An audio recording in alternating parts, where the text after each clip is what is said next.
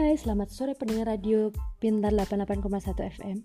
Untuk mengawali jumpa kita kali ini dalam gelaran belajar santuy edisi Sabtu 6 Juni 2020. Selama 5 menit ke depan, saya akan menjadi pewawancara untuk seorang guru terbaik di Kabupaten Semarang.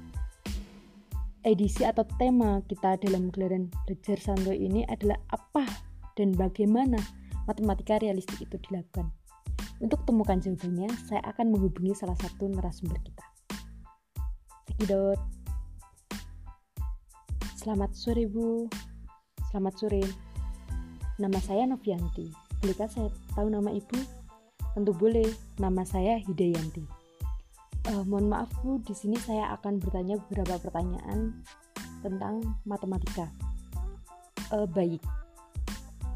Uh, yang pertama, apa sih metode pembelajaran matematika realistik Bu?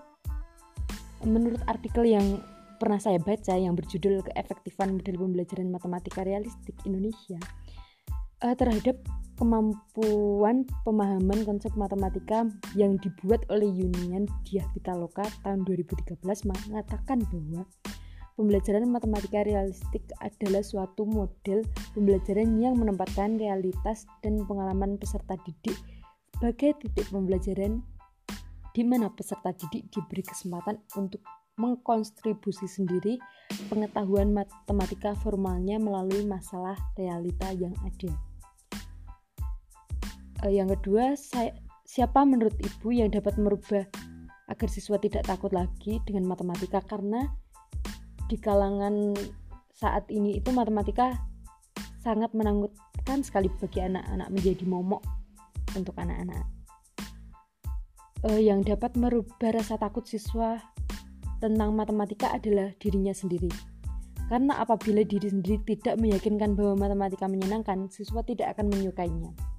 Yang kedua, saudara atau orang di sekelilingnya. Jika dia tidak terpengaruh dengan orang di sekelilingnya yang pernah mendapatkan mata pelajaran tersebut merasa sulit dan menakutkan, siswa dapat terpengaruh dengan apa yang dibilang tentang matematika. Yang ketiga, dan yang terakhir, seorang pendidik harus membuat rumus dan dapat membuat siswa tertarik dengan rumus yang dibuatnya. Dan siswa pasti dapat memahami apa yang kita buat rumusnya apabila kita menjelaskannya dengan baik. Uh, ada pertanyaan ketiga lagi, mengapa sih matematika penting untuk kehidupan sehari-hari? Nah, ini banyak sekali alasan mengapa matematika penting dalam kehidupan sehari-hari karena matematika bisa membuat kita menjadi kreatif, kritis, bisa berpikir sistematis untuk menghitung sesuatu barang atau uang. Dan ada juga menurut Adi Sultan Maulana yang dengan artikelnya yang berjudul penerapan strategi untuk meningkatkan kemampuan koneksi matematika bahwa matematika itu penting karena digunakan untuk menyelesaikan permasalahan dalam kehidupan sehari-hari seperti perdagangan, pengukuran tanah, melukis, dan lain-lain. Yang selanjutnya, bagaimana matematika realistik itu dilakukan? E, matematika realistik dilakukan dengan cara ada empat cara.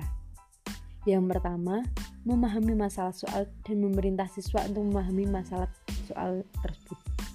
Yang kedua, menyelesaikan soal dengan memecahkan strategi pemecahan masalah.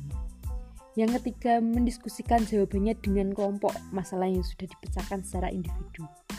Yang terakhir, uh, menyimpulkan tentang soal yang sudah dikerjakan. Uh, terima kasih Bu atas waktunya. Jadi saya bisa mengerti apa sih matematika itu, apa sih matematika realistik itu, apa sih yang bisa membuat siswa bisa berubah.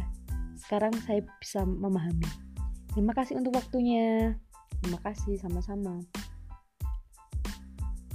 Demikian laporan langsung dari rekan kami. Segera kru pamit selamat sore. Sampai jumpa di topik selanjutnya. Bye.